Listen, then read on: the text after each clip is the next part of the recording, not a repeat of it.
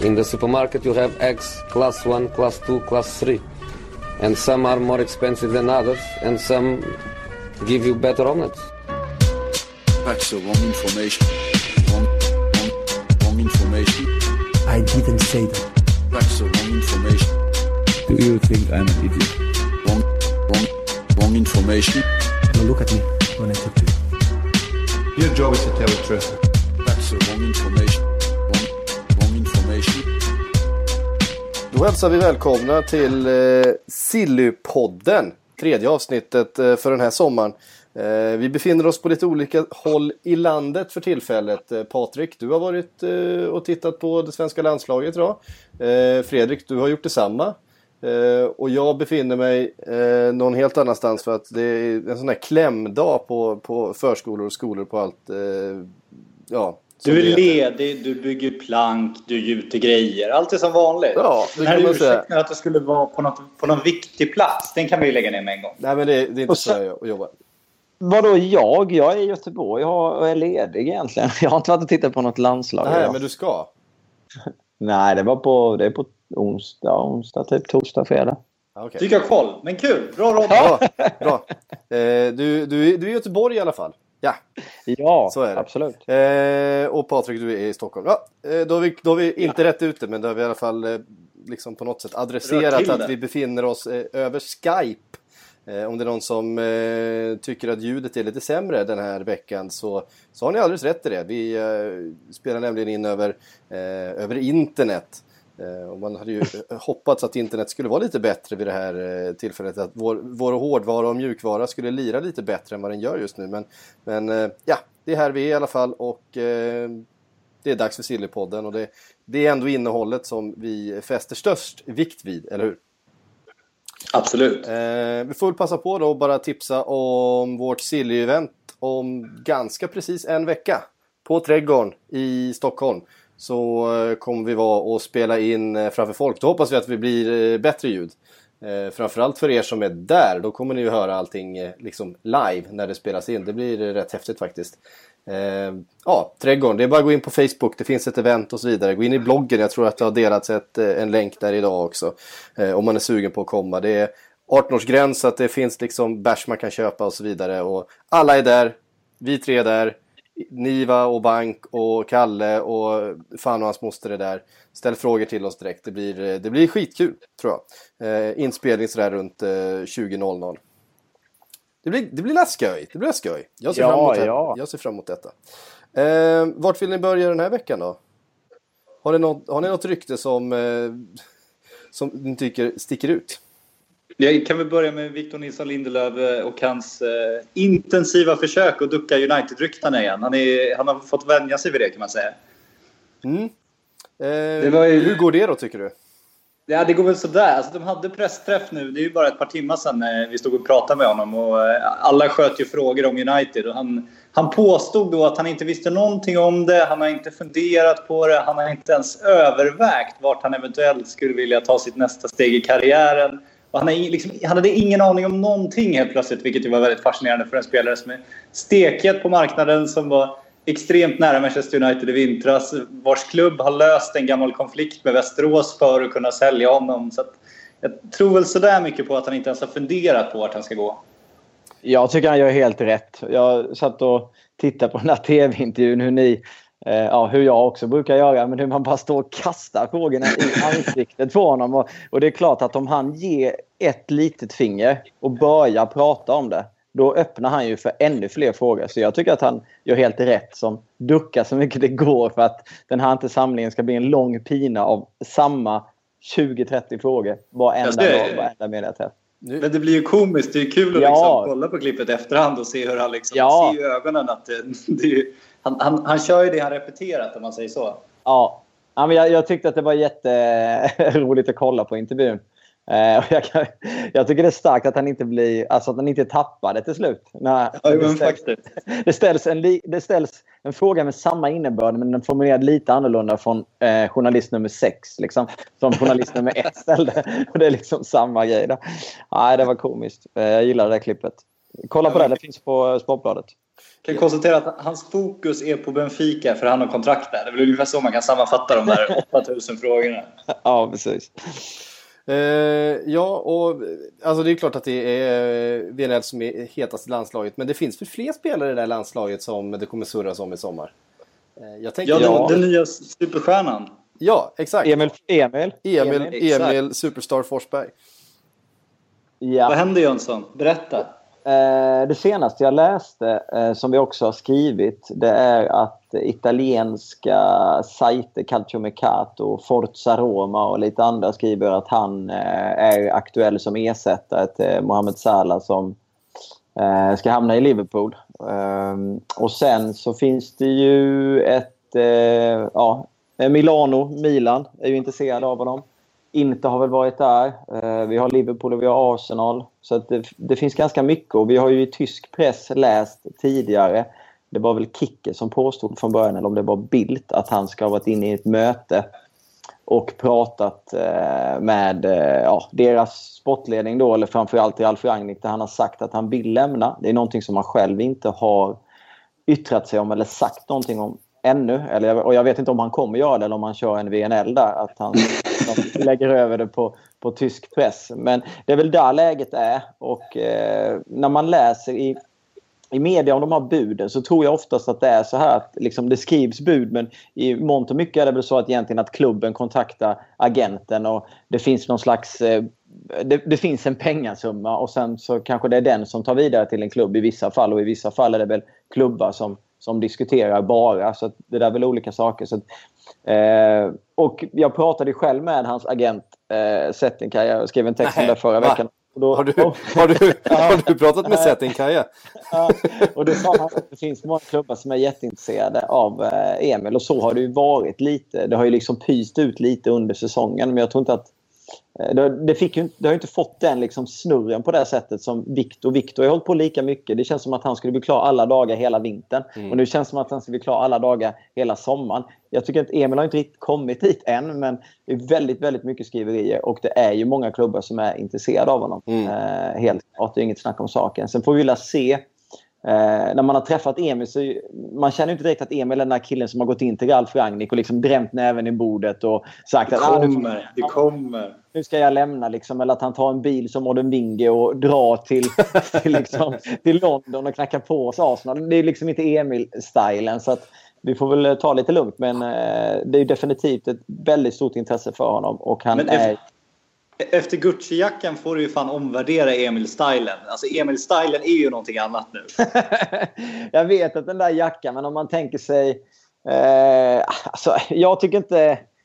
Nej, alltså när man, när man känner honom, när man har träffat honom så det klart... kostar 35 000 jackan. Ja, men han har ju hur mycket pengar som helst. Det är Jo, jo. med mig och dig. Idrottsparken, Giffarna IFK Göteborg. Nej, jag, jag, jag tar min Gucci-jacka. Då ligger jag lite lågt.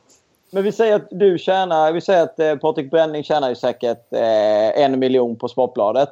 Eh, Emil tjänar eh, 10, 15 eller vad är det, 30 miljoner om året. Eh, Bränning går och köper en eh, Lindebergsjacka för 4 000 och han går och köper en jacka för 35 000. Om ni ser till inkomsterna och utgifterna så är det ju inte jättekonstigt egentligen. Jag älskar din syn på min lön. Jag älskar den, den uppskattningen du gjorde precis. Ja, men Försök inte ju- komma med någon dementi här nu Patrik. Det där tycker Nej, jag jag, behöver, jag behöver setting Kaja för att få de summorna Christer. Nej, men det, det är klart att jag, jag hade väl inte tagit på mig... Jag tycker inte att jackan var så här speciellt snygg, men att eh, han lägger Alltså, snygg, på- snygg, snygg, snygg är liksom inte grejen här, kan jag känna. Nej, nej det är helt... Men, men att man lägger pengar och en större summa på sakerna man tjänar mer är ju egentligen inget konstigt. Nej, Nej. jag tycker roligt är ju liksom att, att Emil Forsberg, som man har ju lärt känna som liksom den mest ödmjuka och snälla killen i Ja. världen, vilket han fortfarande är så fort man träffar honom alla dagar i veckan. Jätteprofessionell och jättelugn och väldigt tillbakadragen i bilden man får. Men Mm. jag älskar ju när han kliver ner till idrottsparken i Sundsvall. Som ändå, det är ändå Sundsvall fortfarande. Det är inte jättemycket folk där. Det är, det är lite Nej. speciell arena och sådär. Och så har man sin Gucci-jacka för 35 000 och sin Gucci-tröja under.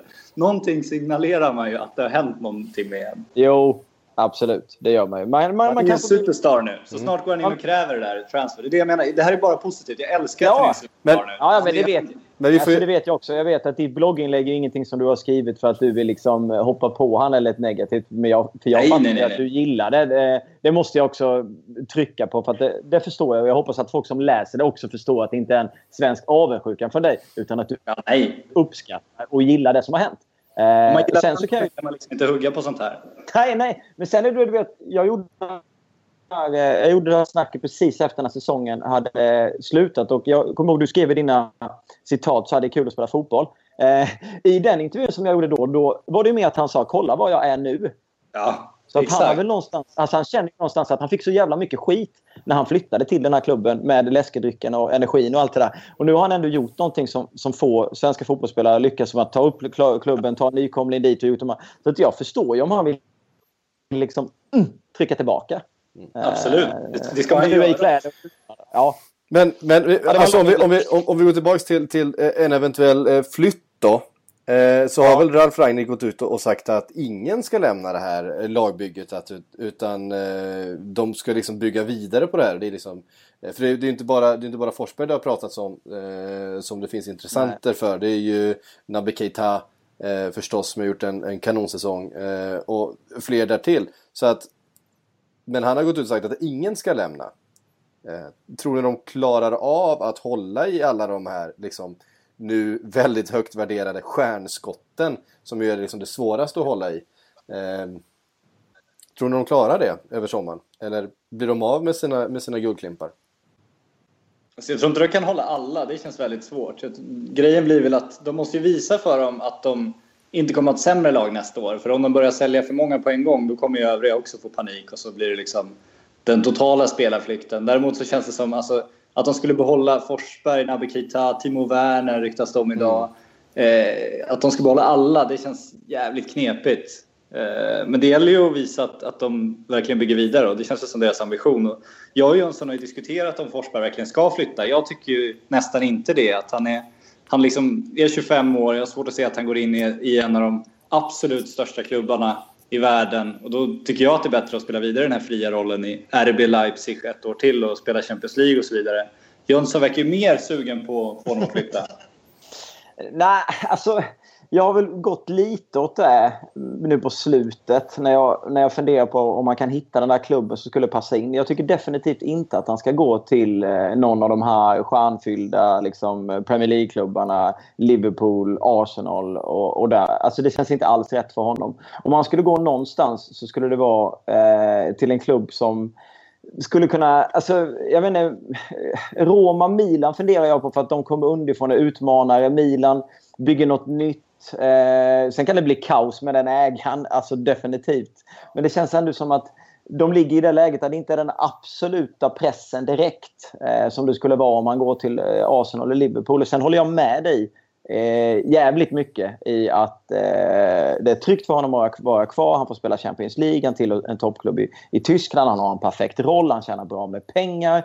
Han bor där med sin fru och hund. Och, du vet, så allting är ju jättebra. Så att, egentligen är det inget måste av att flytta.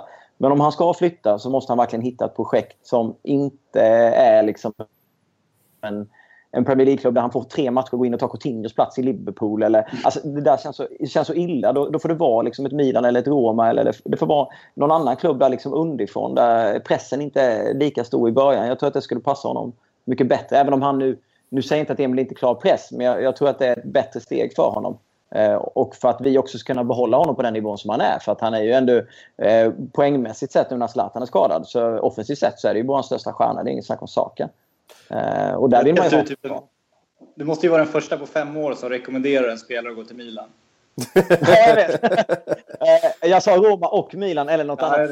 Ja. Men Rå, Rå, Men- Roma känns som ett intressant lag just nu. Jag menar, gjort en kanonsäsong. Eh, visserligen utan, utan eh, tränaren så länge va? Man har inte ersatt Spalletti officiellt än. Nej. Eh, Nej, Totti har tagit över det. det är ju bara en tidsfråga. Men, eh, men Napoli då annars? De kanske inte vill ha honom, men inte Napoli också en... eh, Napoli också ett jätte- blir det så stort steg upp då? För jag tänker så här, alltså, Tyskland, de har ju Bayern München, Italien och Juventus. Det finns ju ingenting som tyder på att någon ska rå på dem i någon av ligorna. Nej. Om du går till Roma, absolut jättespännande lag, jätteroligt lag, kul stad, kul liga. Men Mm. RB Leipzig, eh, även fast man kan tycka väldigt mycket om deras klubbbygge och sådär, så det de har på gång och i Bundesliga, de var tvåa nu, alltså, i- kan man tycka att, att Roma är ett så stort steg upp då? Men alltså, någonstans, man kan ju inte bara röra sig i sidled heller. Men alltså, uppåt, om man ska röra sig så ska man väl röra sig uppåt ändå. Eh, det, är ju inte, Ja, men det, är ju inte, precis. det, är ju inte, det är ju inte att bara klämma sig in i Real Madrid nu liksom, eller, eller Bayern München. Nej. Jag menar, någonstans, jag menar, ett steg upp från RB Leipzig måste ju ändå hamna i en, liksom en topp tre-klubb i någon av de stora ligorna. Eh, Så jag menar, det, det känns ju rimligt. Och om de dessutom nu då, nu pratas det ju mer och mer om att Salah är klar för Liverpool. Ja, då öppnar det ju upp en, en startplats, en, visserligen två helt olika typer av spelare. Eh, så att det är ju liksom ingen rak ersättare, men det, men det öppnas upp en, en plats i startelvan. Eh, Ja. En honom. väldigt tydlig plats. Mm. Absolut, jag håller med där. Eh, och sen är det ju att han gjorde ju ändå klivet av att gå till Bundesliga, Schweizer Bundesliga, fick ett halvår där innan de tog upp. Så han har ju ändå gjort en väldigt försiktig väg fram till där han är idag. Men sen har han liksom fått ut så maximalt. Och det här är ju också en möjlighet för honom att ta det här steget nu. Eh, tänk om man skulle åka på lite skador, lite tråkiga saker och inte ha möjligheten att flytta. Eh, och, sådär. och sen så tänker man ju själv när man, av, när man liksom sammanfattar en karriär. Tänk att ha fått chansen och möjligheten att spela i Roma eller Milan. Mm. Eh, eller Ja, vidare. Liksom, absolut. mot, att, eh, mot att ha spelat i Rasenballsport Leipzig. Då, liksom. Inte för att, alltså, men ni fattar ju med historiken Absolut. och eh, anrik klubb och sådär. Så att jag, jag förstår honom om man, om man vill testa det. Eh, och, och då kan man ju också gå till Premier League om man vill för det finns många anrika klubbar där. Men jag tycker inte att han ska göra det. Sen så kanske han, han hamnar i, i Liverpool ändå. Men ja, det, jag tycker att han ska välja något annat. Ja, han, är väl, han, är, han, han växte väl upp som Liverpool-supporter med, jag tror att hans eh, farsa och brorsor och sådär, eller brorsor, jag vet inte om han har brorsor, men att, hans farsa i alla fall var, var, var Liverpool-supporter när han växte upp och sådär. Men, men det är precis som du säger, jag, tålamodet i Premier League är så, det är så stor skillnad. Eh, och, och det är en, är en, jag vet inte, det är en jättesvår sits att komma in i med oerhörd press. Eh, både, hos, både hos Liverpool och Arsenal. Jag menar, det hade varit en sak att komma in till ett lag som, som är längre fram i, sin, i, i sitt bygge. Alltså att komma in till ett Chelsea just nu. Visst, nu är de mästare och sådär. Eh, men där det finns liksom en grundtrygghet i laget runt omkring. Det kan jag tycka att Roma har med, med, med sitt mittfält, med liksom ett fungerande anfall. Alltså man, man vet hur, hur Roma kommer se ut, hur de kommer spela, hur de kommer funka eh, nästa säsong. Jag menar, det, det är ju inget utav dem... Eh, eller Tottenham skulle väl kunna vara ett, ett bra alternativ då i England. Man vet vilken tränare som kommer vara där, man vet ungefär vilka spelarna kommer vara som kommer springa ut på första dagen. Eh, och så vidare. Det, det är ju det man är ute efter, men att Arsenal, man har ingen aning. Eh, de måste ju bygga om jättemycket. Är Sanchez kvar? Är Özil kvar? Eh, nej, antagligen inte om Forsberg kommer in. Ska jag ersätta någon av dem? I Liverpool, där det ska handlas hur mycket som helst. Det kommer vara jättekort tålamod med spelarna för nu ska det sättas liksom en, en startelva för en nivå till. Liksom. Eh, Det kommer också vara väldigt, väldigt eh, stökigt tror jag i början. Eh, när man ska köpa in så pass mycket spelare och, och liksom hitta någonting eh, som ska fungera på en, på en väldigt hög nivå på ganska kort tid. Så att det gäller att hitta det där projektet som ligger lite längre fram. Eh, tror jag för, för, eh, för en sån som Forsberg just nu. Där, där tycker jag ju att Roma är ett ganska bra alternativ. Ja, nej. Jag köper det du säger. Ja, och när vi då, när vi då är, är i Roma så får vi väl ta upp då Sala till Liverpool som ju har varit en, en av helgens eh, snackisar. Eh, det ryktas att... Är det klart? Är det inte klart? Är det klart? Är det inte klart? Nej, jag tror inte att det är klart. Däremot så tror jag att eh, uppgiften om att han är överens med Liverpool om sitt eget kontrakt eh, stämmer. Han skulle då typ dubbla sin lön eller något sånt där. Så det hade han väl inga större problem att skriva under på. Det var ju en, eh, en, en, en förstås en väldigt hög lön, men i, i Premier League-mått mätt så var det ju ändå bara 90 000 pund i veckan. Eller något sånt där. Så att, men det var en, en dubbel lön ungefär mot vad han hade i, i Roma. Så det ska väl vara överens. Det har ju flera rapporterat om. Sen är inte klubbarna riktigt överens. Eh, Liverpool hade väl ett bud på 28 miljoner pund tror jag. eh, som Roma tackade nej till. De vill ha, jag skulle tro, ungefär 10 miljoner pund till. Eh, och jag, Bara- tror, jag, tror, jag, tror att, jag tror att Liverpool hostar upp det under veckan som kommer nu. Det där är grejen av att de förhandlar med spelaren eh, före och alltid gör klart det. Det känns som det nu. I alla fall Morata var det. Liksom, han, hans lön var klar. Det skulle han få. Och nu är det så här och det, det ena med det andra. När det höll på med VNL mest så var det ju skrivet vilken lön han skulle ha långt ifrån. Klubbarna är fortfarande inte ens överens och de skrev det i vintras. Det är mycket sådana skriverier om att avtal är klara innan klubbarna är överens. Eller är det bara jag som har fått för mig att det är mer den trenden nu än vad var tidigare? Ja, men det, är väl, det, är det är väl ganska vanligt att, att eftersom, eftersom klubbarna ofta går via agenter eh, Ja. så, så, eh, och agenterna har närmare till spelaren än vad de har till, till klubben och sportchefen. Alltså den, den kontakten är ju mycket kortare. Eh, Så att det är lätt, alltså Liverpool har väl fått en siffra, men om, om Salah ska lämna Roma i det här läget, han vill ha den här lönen. Han vill ha dubbel lön mot vad han hade innan. Ja, Inga problem säger Liverpool, det, det löser vi. Alltså den, det, det tror jag går ganska snabbt. Klubben bryr sig ju inte om vilken lön deras spelare kommer ha i, i eh, nästa klubb. Liksom. Så att den, den Nej, förhandlingen också, blir... det en, men just det här med agenten också. Det har blivit så suspekt just att du övertalar ju agenten först att, du vill, att, liksom att spelaren ska till dig. Och sen så är det ju nästan upp till spelaren nu att förhandla med sin egen klubb att han ska bort. Alltså det är ju nästan på den nivån nu. Ja. Och det förstår man också. Det är lättare, det är lättare att sätta press på din klubb som spelare än som... Liksom, om, om Liverpool har Coutinho och Barcelona kommer och säger hej vill ha Coutinho? Det är ganska lätt för Liverpool att bara nej det kommer inte hända. Och så är den liksom, dialogen slut. Men om Coutinho kommer upp till kontoret och säger hörni nu vill jag till Barcelona annars blir jag jävligt besviken. Då, då har man ju lite större arbete framför sig. Så. Och jag tror också att även i det här fallet, nu vet vi inte hur, hur, hur, hur liksom kontakten har tagits här. Men säg att det är så att Barcelona är intresserade av Coutinho den här sommaren. Då tror jag att man redan har liksom fått en lön halvbekräftad genom agent. Eh, ja, Men det, här, det här är det du har att ta ställning till om du ska gå till Barcelona. Jag menar, om han ska börja fatta det beslutet före du ens kan börja förhandla med en klubb så måste du ha någon slags uppfattning om, om spelaren är intresserad överhuvudtaget. Eh, Ja. Så att jag tror att, jag tror säkert att Coutinho vet ungefär vad han skulle tjäna om han skulle gå till Barcelona i sommar. Utan att eh, liksom förhandlingen har kommit speciellt långt. Så jag tror att det är, är någonting som är ganska tidigt i förhandlingen och det är också där vi är just nu med, med Salah. Jag tror han är överens med, eh, med sin agent då, om sitt personliga kontrakt.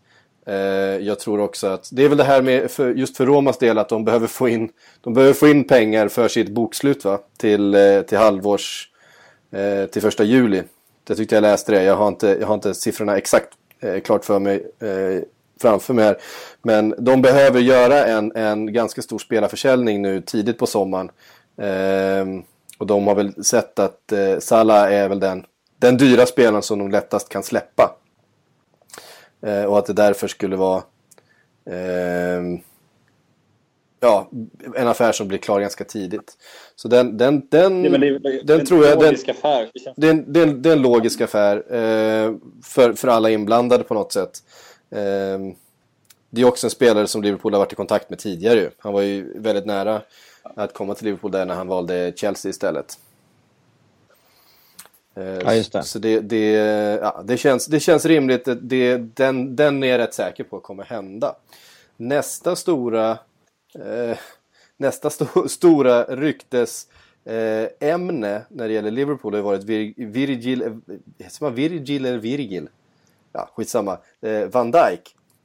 Som ju då snarare eh, har rapporterats klar för Manchester City efter att eh, under ja, hela våren egentligen och även bitar av hösten har, har snackats om att eh, han skulle vara på gång till Liverpool. Eh, men nu är det Manchester City som det eh, ryktas eh, vara den som sitter i förarsätet för den signaturen och det är ju hiskeliga pengar vi pratar om. Vad sa du? Säg summan nu. Ja, vi räknar väl om det till eh, 670 miljoner kronor va?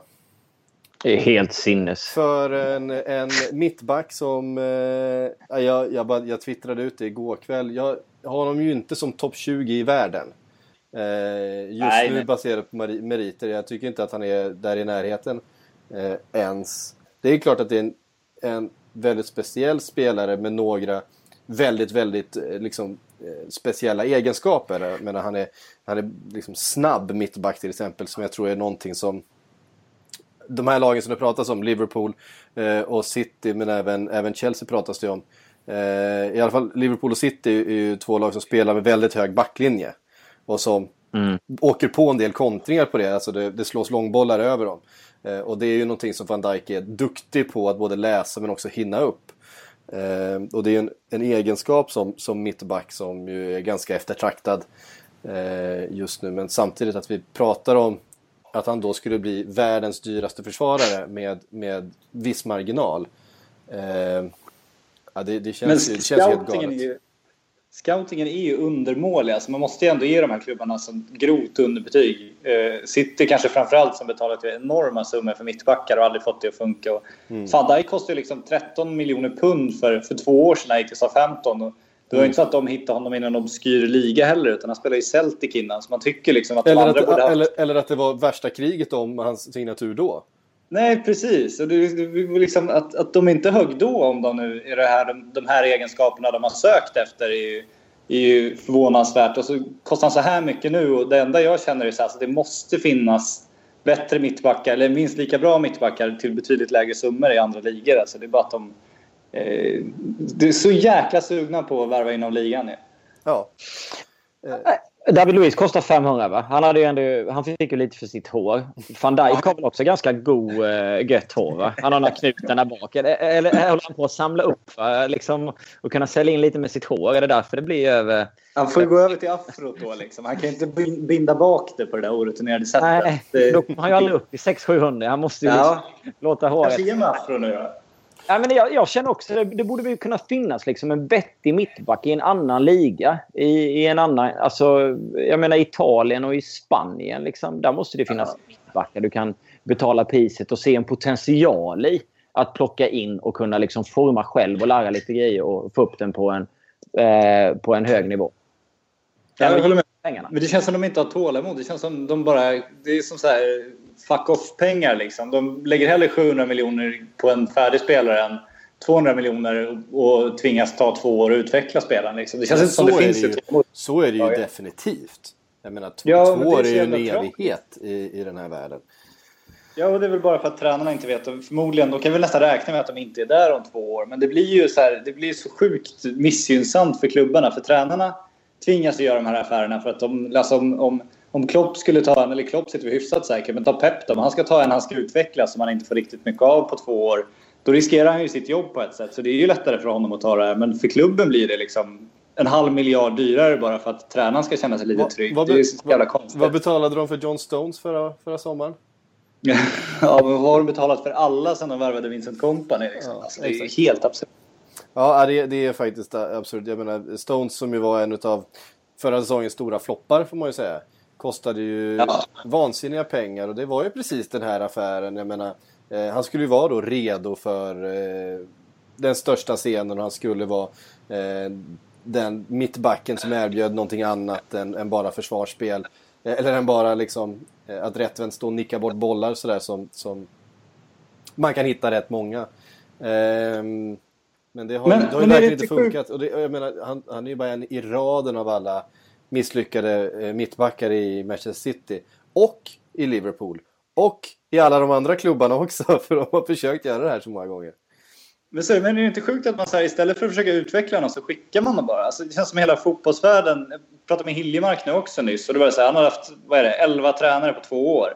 Och då är det så här, men vad, är- vad, är liksom, vad blir det långsiktiga i det? Så här, men man, man tränar och spelar matcher, säger han. Så här, men, men det kan inte finnas någon tränare då som, som sätter sig ner med Oskar Hiljemark och tänker så här, men vad saknar Oskar Hiljemark för att bli en världsmittfältare? Jo, men vi måste utveckla hans passningsspel med vänsterfoten. Han måste ha ett bättre inläggsspel. Han kanske ska lägga på sig två kilo muskler. Det känns ju som alla bara så här, men vad har vi i truppen just idag? Ja, men det är de här elva. Ut med dem och så hoppas vi att vi vinner matcher. Det finns liksom inte så här, men om vi vilar honom nu eh, fyra omgångar och så, så skickar vi honom i gymmet istället, ger honom en ny försäsong så han lägger på lite mus- muskler på överkroppen så kommer det ut en bättre spelare sen om kanske ett år när vi får utväxling på det och sådär. Det finns ju inget sånt tänk. Så man undrar ju liksom hur bättre hade fotbollsspelarna kunnat bli om alla klubbar istället för att bara sikta på att vinna nästa match hade liksom lyft blicken lite och, och sagt så här, men hur ska vi göra den här truppen bäst i världen om Tack. fem år. Tack och lov får man ju säga att det, att det är inte alla klubbar som gör så, för att alla klubbar har inte råd att göra det. Ta, jag tycker att det bästa exemplet är ju Tottenham.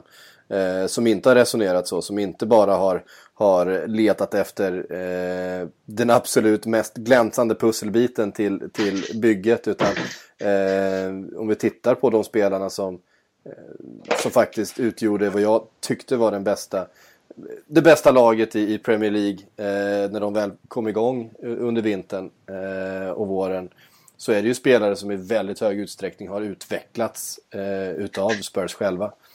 Eh, så att det finns ju, Ja, det, fin- det finns ju några undantag men, men ju mer pengar som, som kommer in desto kortare blir tålamodet på något sätt. Och sämre blir Jag lagbyggena. måste, jag måste tyvärr droppa nu. Jaha, det är så.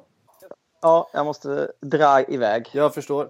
Vi, eh, vi eh, tackar Fredrik för hans eh, insats den här, den här veckan. Vi, vi kör Ja. på Patrik. Ja. Eh, bra, och precis när Fredrik då lämnar så tänkte jag att vi skulle ta upp Kylian Mbapp. Eh, Ja, Mbapp. Är det så? Eller du kör M- Hanson-uttalet? Mbappé heter han. Mbapp. Eh, jag hade ett skämt där som det vart eh, pannkaka av precis när jag skulle säga det. Ja, okej. Eh, Stal. Eh, Mbappé. Eh, som ju då ryktas till Arsenal. ja. Vad säger, vad säger du om det? Och vad är vi uppe på för siffror då? då?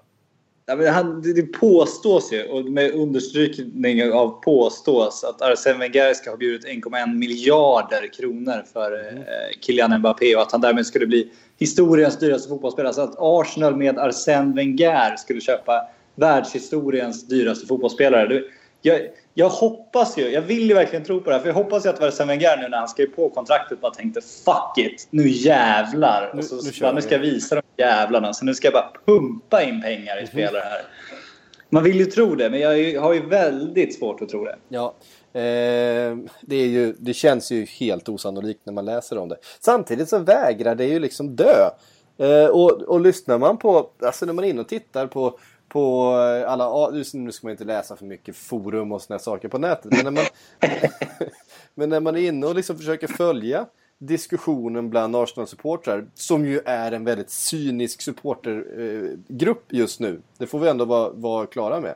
Det är ju inte, det är inte en, en supporter, supporter eller en fanbase som eh, har vant sig med att få, precis få allting de har pekat på eller vant sig vid att det på, på vissa sätt utan de är, känns ganska, ganska luttrade. Det känns ändå där som att eh, det, finns, det finns optimism kring den här affären. Men supportrar generellt, och det är därför man älskar supportrar generellt, det är ju de mest lättflörtade människorna i världen. Liksom. Alltså jag skulle kunna, om jag går och tjatar på dig i en vecka att Cristiano Ronaldo är aktuell för Liverpool, till slut skulle någonting i dig ändå tro att det eventuellt skulle kunna hända. Så är det ju verkligen. Jag är helt övertygad om det. Så, men men, det, men liksom, om man ska här, fundera över det här. Alltså, skulle Kylian Mbappé kunna gå till Arsenal för 1,1 miljarder? Alltså, Arsenal har ju råd. De skulle ju kunna köpa honom för 1,1 Ja, ja, miljarder. Det är jag övertygad. Och det skulle ju gå att genomföra om det nu är så att Kylian Mbappé tillsammans med, med sin familj och sina rådgivare har satt sig ner och tänkt sig, men vad är nästa steg? Vart kommer jag få spela? Vart kommer jag få utvecklas? Eh, Real Madrid, ja, de har vunnit Champions League precis. Isco och Gareth Bale konkurrerar om en plats. Liksom. Det, är, det är inte solklart att jag kommer få spela. Det kanske är en dum idé. Ja, men Manchester City, ja, du vet inte riktigt om det passar mig just nu. Chelsea, där ska jag inte vara. Men Arsenal, ja, det skulle få en, en superroll. Arsene Wenger har lovat att bygga laget kring mig. Eh, på så sätt hade det ju varit en rätt bra deal. Men, men man har ju svårt att få in i huvudet att Arsene Wenger skulle liksom buda bort Real Madrid som ändå garanterat är intresserade och alla andra de här City och så vidare. Och liksom få Kylian Mbappé. Det känns, det, det känns så verklighetsfrånvänt så att man har svårt att tro på det. Mm. Och just därför, så, just därför så gillar man det ju extra mycket. Eh, Ja, man blir Och, det, det, det, och sen så är det förstås hela parallellen till, till Henry och det är Monaco och det är liksom Arsène och det finns liksom... Ah, det finns mycket grejer att ta på där. Ehm, det har också pratats lite grann om eh, de där två va? Alexis Sanchez och eh, Mesut Özil. ehm, som ju under ett par veckor... De, de, de teamkör ju lite grann i sina förhandlingar med Arsenal. Ja, de kör sig Friends-taktiken, Ja. gamla vänner-casten som väl var först i världen med att gå in och löneförhandla tillsammans. Precis. Eh, Och de kräver, hur mycket är det? Det är 370 000 pund i veckan va? I lön. Ja, det, det är lite, lite olika uppgifter på det där. Men ja, eh, vissa påstår det, andra påstår 300 000. Så att, ja, vi får väl se. Det påstås väl att Arsenal har erbjudit dem 270 000. Att, men jag tror inte att det, det känns inte som det är pengarna som är problemet. Jag tror verkligen inte det. Utan eh, om de vill stanna så kommer de komma överens. Om de vill gå så kommer de såklart inte komma överens. Så. Nej. Eh, Och, och känslan är väl att det är två spelare som Arsenal kommer behöva ersätta till, eh, till hösten. Ja, kanske. Jag tror att Alexis Sanchez tror jag hänger på verkligen om... Alltså, om Bayern München är så intresserade, då, då tror jag att han går. Det är jag ganska säker på. Eh, Mesut Özil påstås att det inte finns några bud på. Vi har ju försökt, vi har ju stångat våra huvuden blodiga när vi har försökt hitta nya klubbar åt honom. Och det bästa man kommer på är ju liksom Turkiet gratis om ett år. Och Det är ju för att han har en, en väldigt speciell spelstil som kanske inte passar i den här moderna fotbollen många vill spela med ganska defensivt drillade spelare som är, gillar att pressa och sådär. Det är väl inte riktigt mest Özils melodi samtidigt som han inte har varit så bra som man kan kräva av en kille med så fria tyglar. Han har varit fruktansvärt bra, han har alltid varit. Men eh, inte så bra så att liksom Juventus eller Bayern München någon ska gå in och, och värva honom nu och bygga laget kring honom. Så känns det ju inte. Så Nej, han är ju- är mer... Han är ju väldigt mycket lyxlirare på det sättet att han, han, han, han bidrar ju med, med en otrolig spets. Eh, Men det kräver att du har väldigt mycket annat i laget eh, för att eh, han inte ska kosta för mycket, kosta mer än han smakar. Jo men precis. Och det gäller ju verkligen att ha ett lag som bygger kring honom. Och det, då, är det, då är jag inte helt lätt placerad. Nej. Ehm, en annan intressant historia från den senaste veckan är ju den... Eh, alltså en, en, en agent som vi pratar ganska ofta om är ju Mino Raiola. Eh, Och hans, hans position i, i fotbollsvärlden. Eh, han är inte svinpopulär i, eh, på Milanello just nu. Ett, ett ställe där han har varit oerhört populär eh, tidigare, eh, tidigare år ska man komma ihåg. Eh, och det handlar förstås om Donnarumma. Som Ja. ska ha fått helt enkelt ett ultimatum utav klubben. Dumpa Raiola eller lämna, lämna klubben som du vuxit upp med, som du älskat sedan du var barn.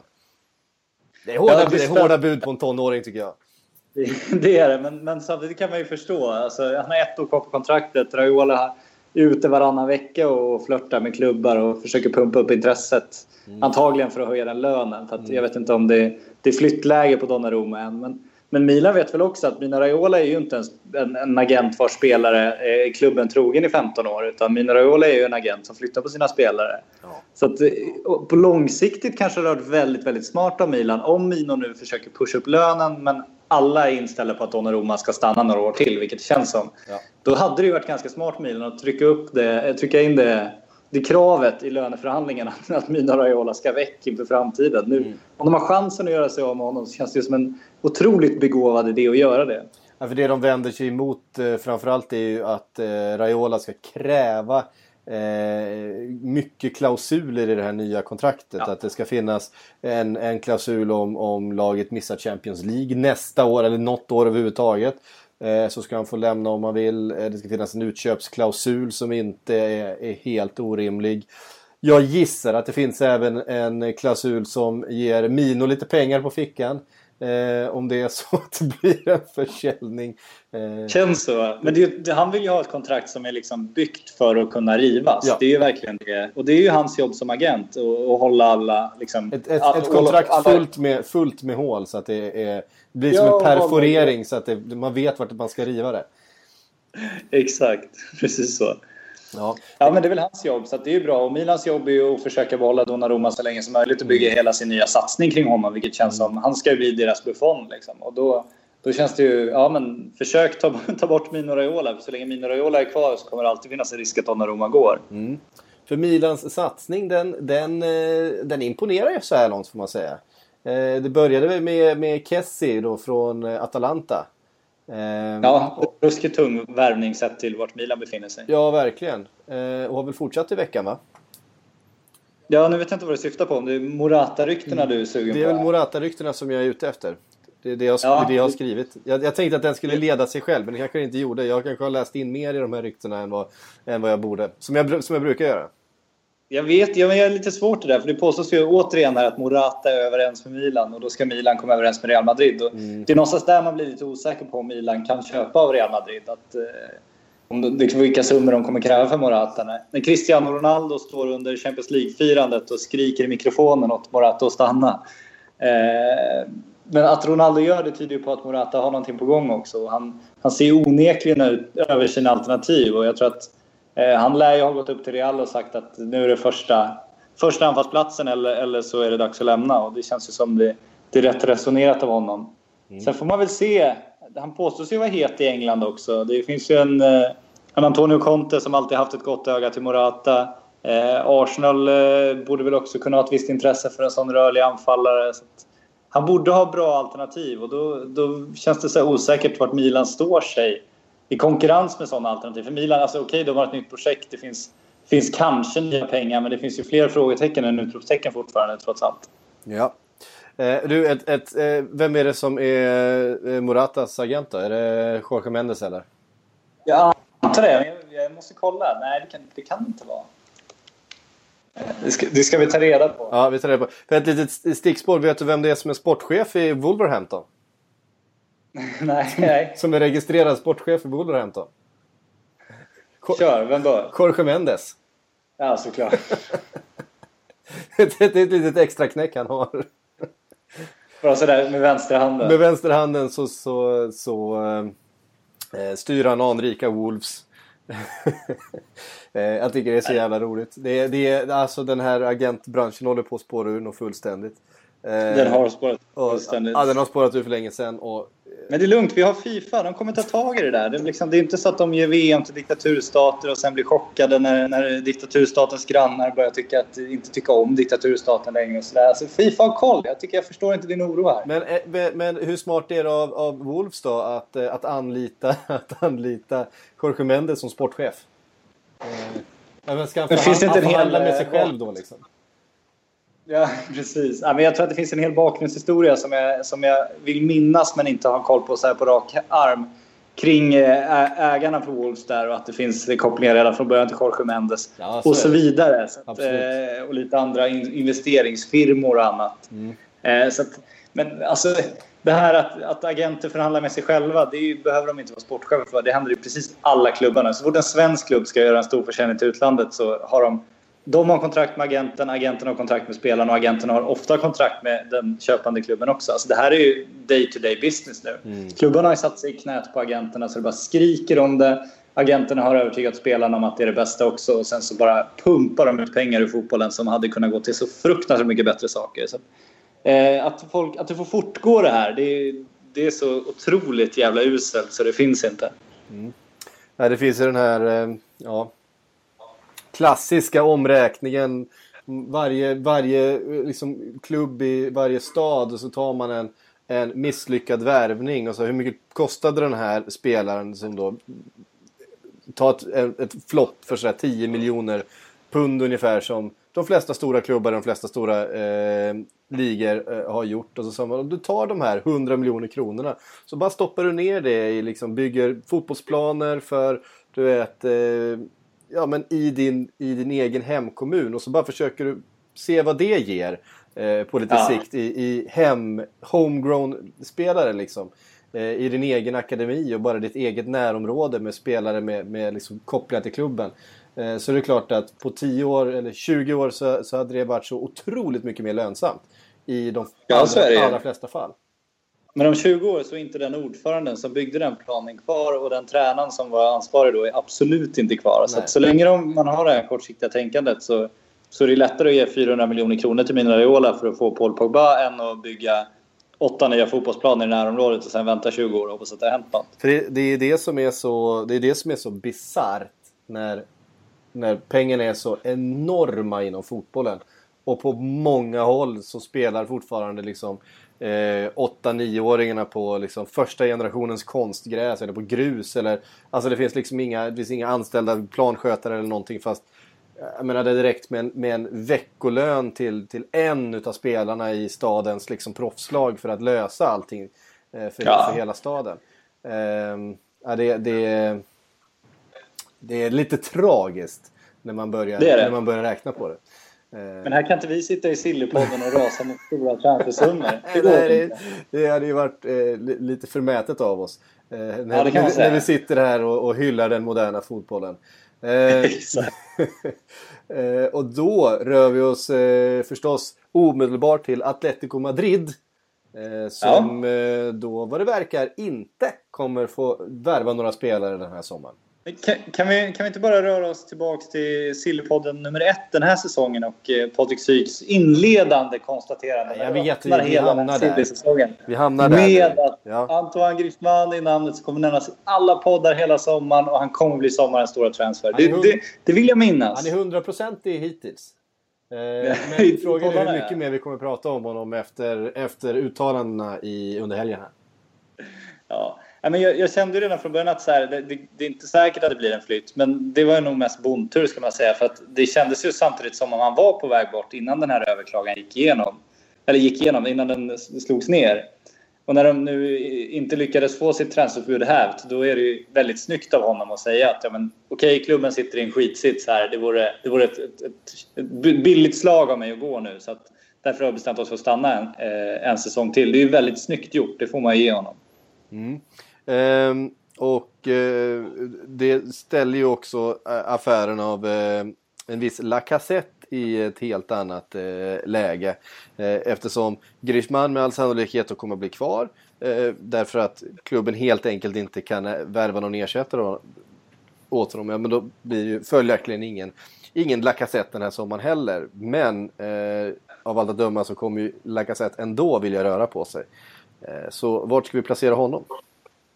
Ja, det är ju spännande. Lyons president sa ju att eh, Atletico-dealen är helt död nu efter det här transferförbudet. Så att det verkar inte som de bara har skrivit om det till januari utan det känns ju som båda klubbarna har, har liksom backat till noll där.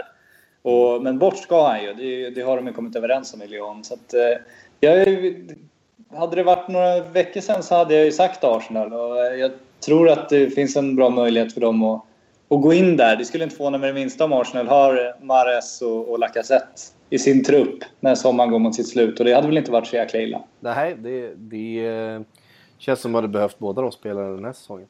Ehm, Ja, och det känns också som spelare de liksom, alltså, vi vet fortfarande att Arsenal har svårt att värva från den absoluta toppen med spelare som verkligen är, på gång med jättestora ambitioner eller är redan eh, högst upp på världstoppen. Utan de har ju snarare gjort den här typen av värvningar liksom Alexis Sanchez som inte riktigt lyckats i Barcelona, Mesut Özil som inte är önskad längre i Real Madrid.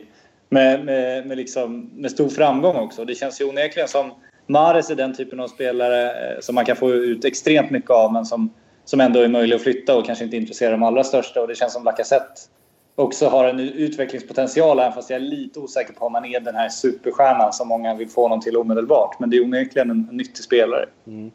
Eh, alltså om man jämför med, med Emil Forsberg då som, som eh, han är ju ett par år yngre än vad Lacazette är va? Det är Lacazette typ 27 nu. Eh, vi, Jag är ju 25 i alla fall. Eh, Lacazette är efter en snabb googling 26. Ja. Eh, ett år då. Nej men det känns som att Lacazette har tagit det här extra året i Lyon. Eh, gjort det jätte, jättebra. Eh, och känns som att han är, han är redo för den där stora, stora klubben. Och den stora, stora eh, liksom, chansningen som det ändå innebär att, att gå från den lite mindre klubben till den största scenen. Det är klart att Arsenal är ju, är ju där uppe. Och Premier League är- är en, en eh, ordentlig utmaning och pressen skulle vara där. Men det, det känns ju verkligen som att han är, han är redo att, att, eh, att ta det klivet nu. Att, att eh, göra den chansningen som det innebär. Ja, det håller jag med. Och det, han, de har ju bäddat för det här länge, både han och Lyon. Det känns som de har varit överens eh, om att till slut kommer det liksom ta slut oss emellan. Till slut ska du få ut och prova och det känns som det är nu de har kommit överens om det. Så att, eh, absolut, han är, han är ju som du säger 26, där är hans chans och det känns som alla vet om det. Och jag tror också att han är, han är redo. Jag vet inte om han liksom kommer gå in och, och bli Arsenals bästa målskytt och lyfta laget till nya nivåer. Men jag är ganska säker på att han liksom kommer ha en startplats i en, i en, en stor klubb i Europa och göra det tillräckligt bra. Mm. Ehm, en annan spelare som eh, kommer röra på sig i sommar eh, och som också känns på ungefär samma sätt redo för det där riktigt stora kontraktet nu, den stora eh, att, att ta den där chansningen eh, som det ändå är att, att röra sig till den högsta nivån. Det är ju Romelu Lukaku. Eh, som ju också ryktas till alla de stora, eh, framförallt engelska klubbarna. Då. Och då, Ja, där vet vi ju, där finns det ju en Raiola som drar i, i tåtar och spakar och allt möjligt och då brukar det hända saker.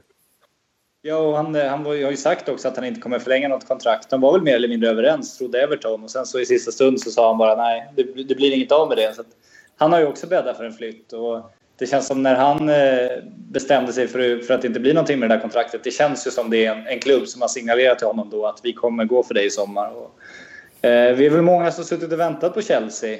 Eh, sen ska det bli väldigt intressant nu för att jag tycker att Lukaku skulle passa väldigt bra in i Manchester United. Eh, han skulle, kan spela både en ganska tekniskt utvecklande fotboll men också vara nyttig i, i en fotboll José Mourinho gillar att att hänföra sig åt ibland. Så att, han känns ju som en sån en riktig drömvärvning för United också. Och med tanke på att de inte kommer få Griezmann nu så undrar man ju vem de ska gå för. De måste ju ha en anfallare. Marcus Rashford i all ära men de behöver ju minst en till. Och så, så gott om alternativ är det ju liksom inte. Morata, Belotti, absolut. Men Lukaku är ju en beprövad Premier League-spelare. En kille som kan gå in och vinna skytteligan i Premier League. Som fungerar eh, som en tvåvägsspelare, kan både möta och gå i djupet, stor, stark. Han känns ju liksom som en perfekt lone striker längst fram där. Ja. Eh, Du nämner Belotti. Eh, Ja. Det är också spelare som vi väl kommer se flytta på sig i, i sommar. Eh, För, för, för en hel del pengar. Ja.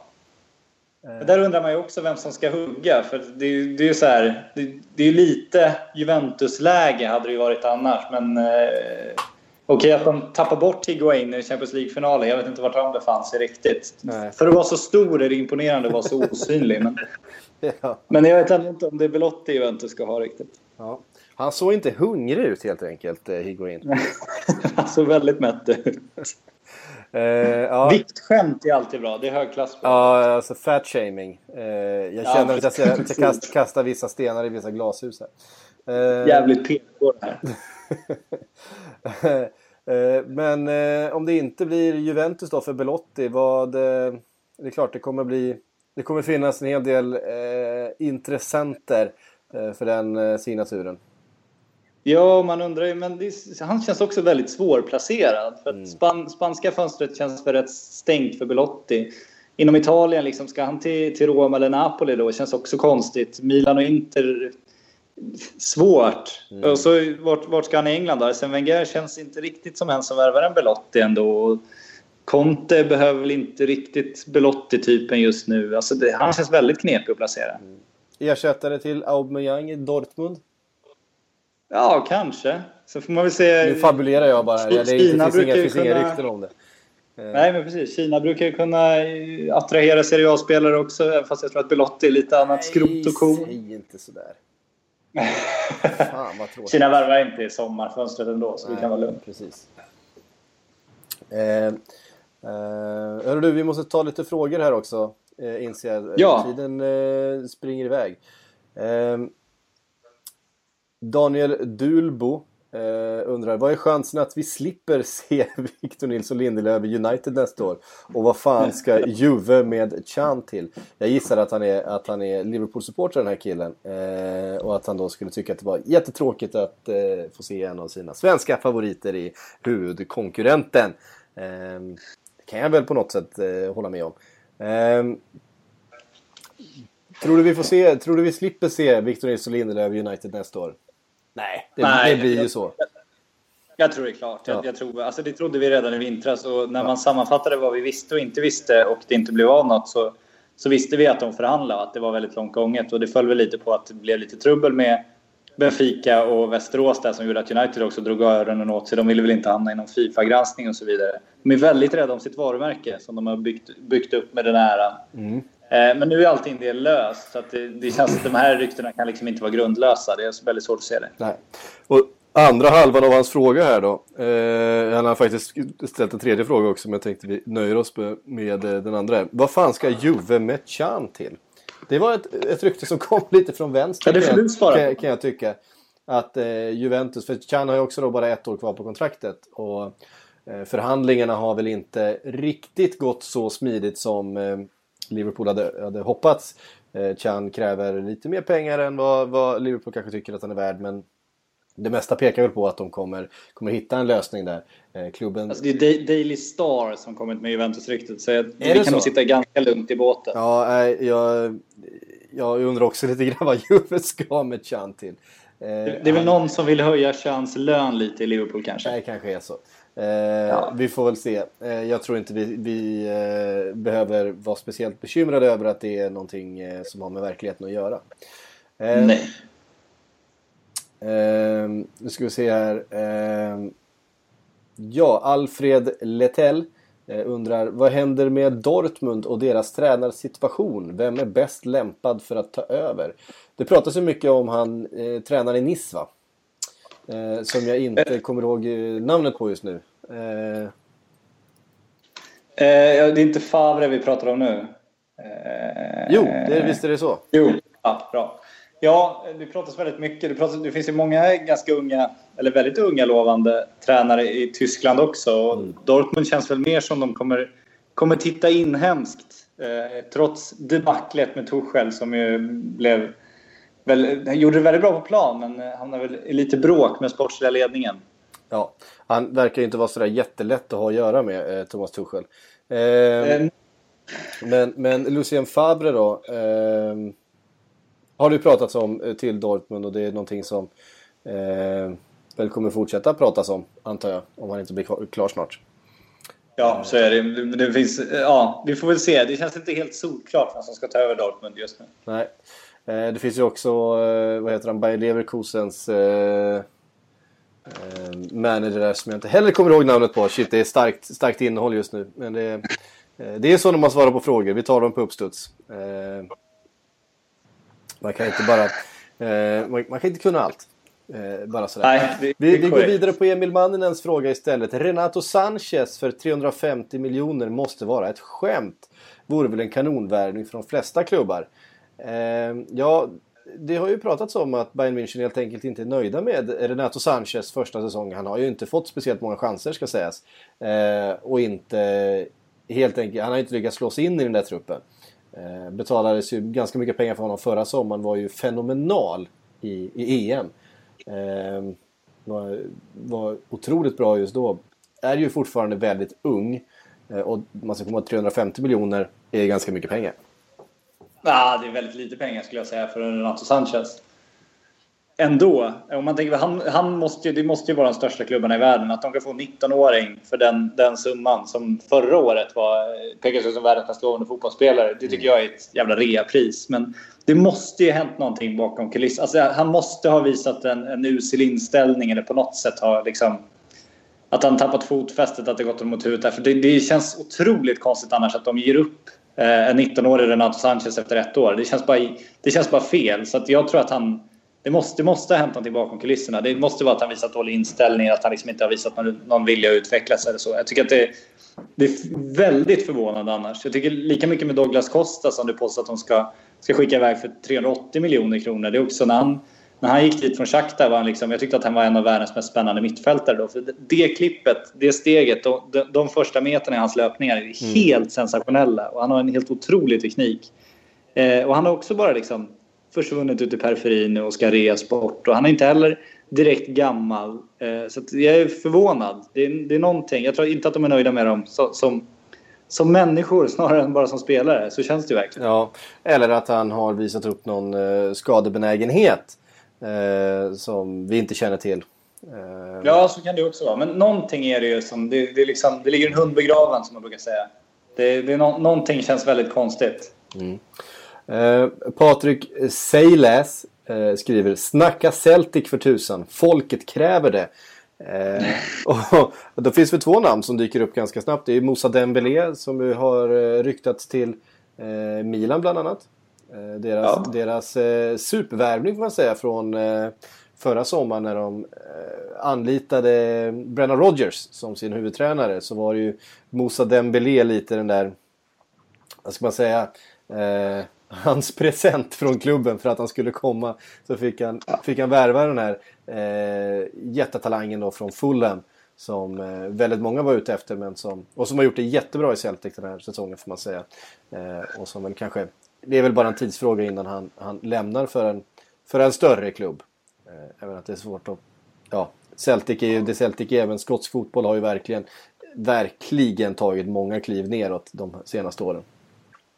Så är det. Samtidigt så jag pratade Micke Lustig igår eh, och hans, de signaler spelarna har fått från klubben är att nu är det verkligen en satsning på gång igen. Att, eh, de senaste åren har de gjort det bra, de har vunnit ligan och sådär men varje sommar har de ändå tvingats sälja sina bästa spelare. Men nu finns det intentioner i alla fall inifrån klubben att det här att det är slut med det nu. Att det finns liksom med Brennan Rodgers och med Moussa Dembélé och sådär så har det kommit en ambition att, att göra någonting större och ta sig längre i Europa och liksom höja ambitionen. Så det ska bli intressant att följa om det, om det verkligen blir så, om, eller om det bara är tomma ord. Men om det blir så, de behåller Moussa Dembélé något år till och verkligen kan förstärka det där laget. Eh, vi vet ju vad, vad skotska klubbar har gjort i Champions League tidigare när de var på sin storhetstid. Så att då kan det nog röra på sig ändå. Men hur kul kan det vara att spela i Celtic undrar jag? Fira ligatiteln liksom i slutet på februari för att det är så matematiskt inte möjligt för någon annan klubb att, att ta in försprånget. Jo, jag frågar, det, det är svårt att ställa den, spel, den frågan till en spelare men man får ju liksom mm. gå lite runt den heta gröten. Så lite sådär. Men om du, om du blir kvar i Celtic resten av din karriär, skulle du vara nöjd med det? Ja, absolut, så jag jättenöjd. Skulle du förlänga ett år, eh, en gång till? Absolut, utan problem, sa Lustig. Och så frågar jag just det, liksom, vad, men liksom, hur, hur stor prestation är det? Alltså, hur, hur, liksom, vad sätter man upp för mål? Och då var han mer tydlig med att de, de, deras mål för, för en säsong är ju inte att vinna ligan utan de, har liksom, de får ju sätta mål och vinna ligan med, med så många poäng eller vinna ligan och aldrig förlora en match. Eller, eller, eh, nu tog de med trippen i år och det var väl i alla fall alltså 17 år sedan de gjorde det sist. Så det är en stor bedrift. Det är någonting de inte gjort på länge. Så att de sätter ju andra typer av mål. Men absolut, när de står och firar ligasegern helt vilt i omklädningsrummet och sprutar champagne, då känner man ju själv också. Alltså, det där måste ju vara någonting pålagt, för det där visste ni om redan när ni satte igång säsongen. Mm. Ja, eh, exakt. Det, det, är ju... Det kan ju inte ens vara spelbart på att Celtic ska vinna, ska vinna skotska Premier League. Eh, nej, nej, det inför. kan jag absolut inte. Eh, jag fått en fråga från eh, ja, Lustig kan vi väl också nämna då. Det är också en spelare som man känner har ett kontrakt till med en, med en hyfsad, eh, hyfsad stor klubb någon annanstans i, i kroppen. Tror du det finns någon möjlighet att han lämnar? Eh, han har väl också legat i kontraktsförhandling den senaste månaden här. Ja, han verkar väldigt nöjd med att stanna. Så att, eh, känslan är att han, han inte har de där ambitionerna och, och liksom ja, men, och hitta till Premier League nu eller så. Utan jag tror att han, han eh, trivs väldigt bra med livet och fotbollen. Är känslan man får av honom själv i alla fall. Mm. Eh, Filip M skriver, vart går James? Eh, eller det står James, men jag gissar att det är James. Eh, ja. My name is Bond, James Rodriguez. Klassisk rubrik efter VM-sensationen där. ja, Sämsta rubriken någonsin. Eh, och det, det känns väl ganska mycket Manchester United över den, eller? Ja, fast alla uppgifter om Manchester United bygger väl någonstans på att det är Real Madrid som ringer Manchester United och säger hörni, ska ni inte ta Chamez? Ja, för de vill ju väldigt gärna ha David de Gea. Eh... Ja, och väldigt gärna bli av med Chamez också. Ja, precis. Eh, för det leder... Och då svarar ju United ja, men vi vill ha varann om ni vill ha de Gea. Så det, det, de verkar vara en bit ifrån varandra om man säger så. Ja, för eh, det kom ju rykten här om att eh, Manchester United ska ha eh, tackat nej till en eh, transfersumma på ungefär 600 miljoner på David de Gea. Eh, och det är ja. klart att eh, en klubb som Manchester United som inte behöver några som helst pengar eh, de, men, men behöver en, en väldigt bra målvakt. Eh, det ska rätt mycket till för att eh, lösa honom just nu om det nu som det ryktas om inte finns några utköpsklausuler. Ja, nej, då får ju de Gea kräva att lämna och om man, det var väl tidigare att det kom uppgifter om att att de hade frågat de Gea inför sommaren då att ja, men vad, vad, vad liksom dina tankar för det här? Och han ska ha sagt då att han, han är beredd att lämna, eller han är lockad att lämna om det kommer ett bra bud från Real Madrid. Han vill kräva att lämna och då tror jag att så länge han inte kommer kräva att lämna så kommer man ju se att United skulle sälja honom. Det liksom, som du säger, inget riktigt skäl. Nej, precis. Eh, Viktor Byfors, eh, Benzema till Arsenal hörde jag. Vad fan! Every year. Va? Det är klart att det blir Benzema till Arsenal. Varje år. Ja, verkligen. Eh, vi, har faktiskt ja, inte ens, vi har faktiskt inte ens kommenterat den här eh, Champions League-finalen som spelades i förrgår. Eh, men det, vi har väl inte sådär jättestora anledningar att tro att någon av huvudpersonerna från den finalen kommer röra på sig i sommar va? Nej, jag tror Fabio Contrao den som inte dök upp på något firande och sådär. Han ska väl eh, redan vara borta. Eh, Chamez är väl också den som ska vara borta, men de spelar ingen huvudroll direkt. Sen, Nej. sen är det ju det där liksom, alltså man undrar ju lite. Isco har ju varit fantastisk när han kommit in nu och ersatt Gareth Bale som varit skadad. Och då har det ju såklart ryktena kommit om Bale, men, men Bale har väl ingen... Han har ju sagt att han ska stanna och varför skulle han lämna? För så fort han är skadefri så har han ju fått spela och han spelar i Europas bästa klubb. Så att, Ja. det känns inte som han heller kommer lämna. Och Isco har ju fått en så otroligt fin roll nu så att jag tror att han också blir kvar. De får rotera på något sätt. Och Benzema... Folk får tycka vad de vill om Benzema, men han, han gör väldigt mycket så att Real kan spela som de gör med Isco, Ronaldo och de andra. Gör ett enormt jobb i det tysta där också, vilket man inte ska glömma. Så att jag har svårt att se att de skulle flytta på honom också. Och med tanke på att de har Morata och inte ens släpper in honom för att flytta på Benzema så tror jag att de är väldigt nöjda med Karim. Ja, det är bara jag som tycker att han är eh, överskattad. Eh, men det, det, Men varför? Han gör ju mycket mål. Han, han bäddar, alltså laget vinner ju Champions League två år i rad. Han har ju absolut en nyckelroll i det. Han spelar ju hela tiden. Att- Gör han så mycket mål då? Hur mycket mål har han gjort? Gör han, gör han så pass mycket mål som han, som han borde göra, som han borde göra eh, i, eh, eh, i det laget på den positionen? Han gör, typ, det- han, gör, han gör exakt kan jag säga vad han har gjort sedan han kom till Real Madrid. Eh, ett mål på två matcher. Alltså han eh, gör 0,5 då för han har gjort 122 mål på 244 matcher så han är faktiskt prick. Eh, eftersom jag klev in på hans eh, Wikipedia här. Jag tycker att det är lite för lite. Alltså man jämf- jämför med vad... vad, vad ja, men du vet, en Suarez i Benzema, eller i, i, i, i Barcelona stänker in. Eh, men det är klart att han ska ju skicka de där passningarna till Ronaldo hela tiden. Ja, och ser man liksom att hur många mål behöver Real Madrid? De har vunnit Champions League och ligan. De behöver Ja, ja. inte göra fler mål. Så hade du värvat en anfallare som gör, som gör fler mål är risken snarare att du, att du omfördelar målen så att Ronaldo bara gör färre mål och då får du en gnällig Ronaldo. Liksom. Alltså, så det, det är väldigt bra med Benzema för att alla är väldigt nöjda och det går väldigt bra. Så jag tycker att man ska inte förminska hans roll i det heller. Nej. Eh, det blir intressant att se honom i Arsenal nästa säsong då. Absolut. Vi se. Jag måste ju kolla hur många mål han gjorde den här säsongen. Eh, eh, den gode Benzema. Nu ska vi se vart jag hittar det. Här! 11 mål. På 29 matcher. Nej, ja. Ja, det är inte... Ja, ja. Mm. Eh, Nyttig. Nyttig. Jo, han gör, väldigt, han gör väldigt mycket mer än mål också. Han, han, Ja, han springer runt och knuffas. Eh, och det är också en egenskap. Nej, Spelar in videofilmer på mobilen och Exakt. skickar vidare. Han är, en här, Ja. han är en härlig kille, en schysst kompis. Absolut. På- En bra förebild. De, dessutom på många sätt. Eh, det tar vi med oss. Hörru du Patrik, det var allt vi hann med den här eh, veckan faktiskt. Vi, eh, ja, när vi är tillbaka så är det live. Då är det måndag kväll. Så att räkna med att nästa avsnitt kommer ut tisdag eh, förmiddag då nästa vecka. Eh, om ni inte hinner ta er upp till Stockholm måndag kväll och vara med om det här fantastiska. Det är utomhus under en bro sådär. Det, det är skitmysigt. Eh, Ja, det blir väldigt bra. Vi hoppas att så många som möjligt kan komma. Ja. Så det, Så det- det skulle vara trevligt. Ja. Bara komma och prata fotboll en kväll. Mm, det skulle du verkligen. Eh, hörru du, tack för att du eh, fipplade fram den där tekniken ändå till slut. Eh, Ja, vi får be om ursäkt för ljudet också. ja, vi, eh, vi tar på oss den. Det, det, vi, vi hoppas göra bättre till nästa gång. Absolut. Du, eh, ha det bra så hörs vi snart. Det gör vi. Hej! I think I worked for 16 years here in England, and I deserve a bit more credit than wrong information.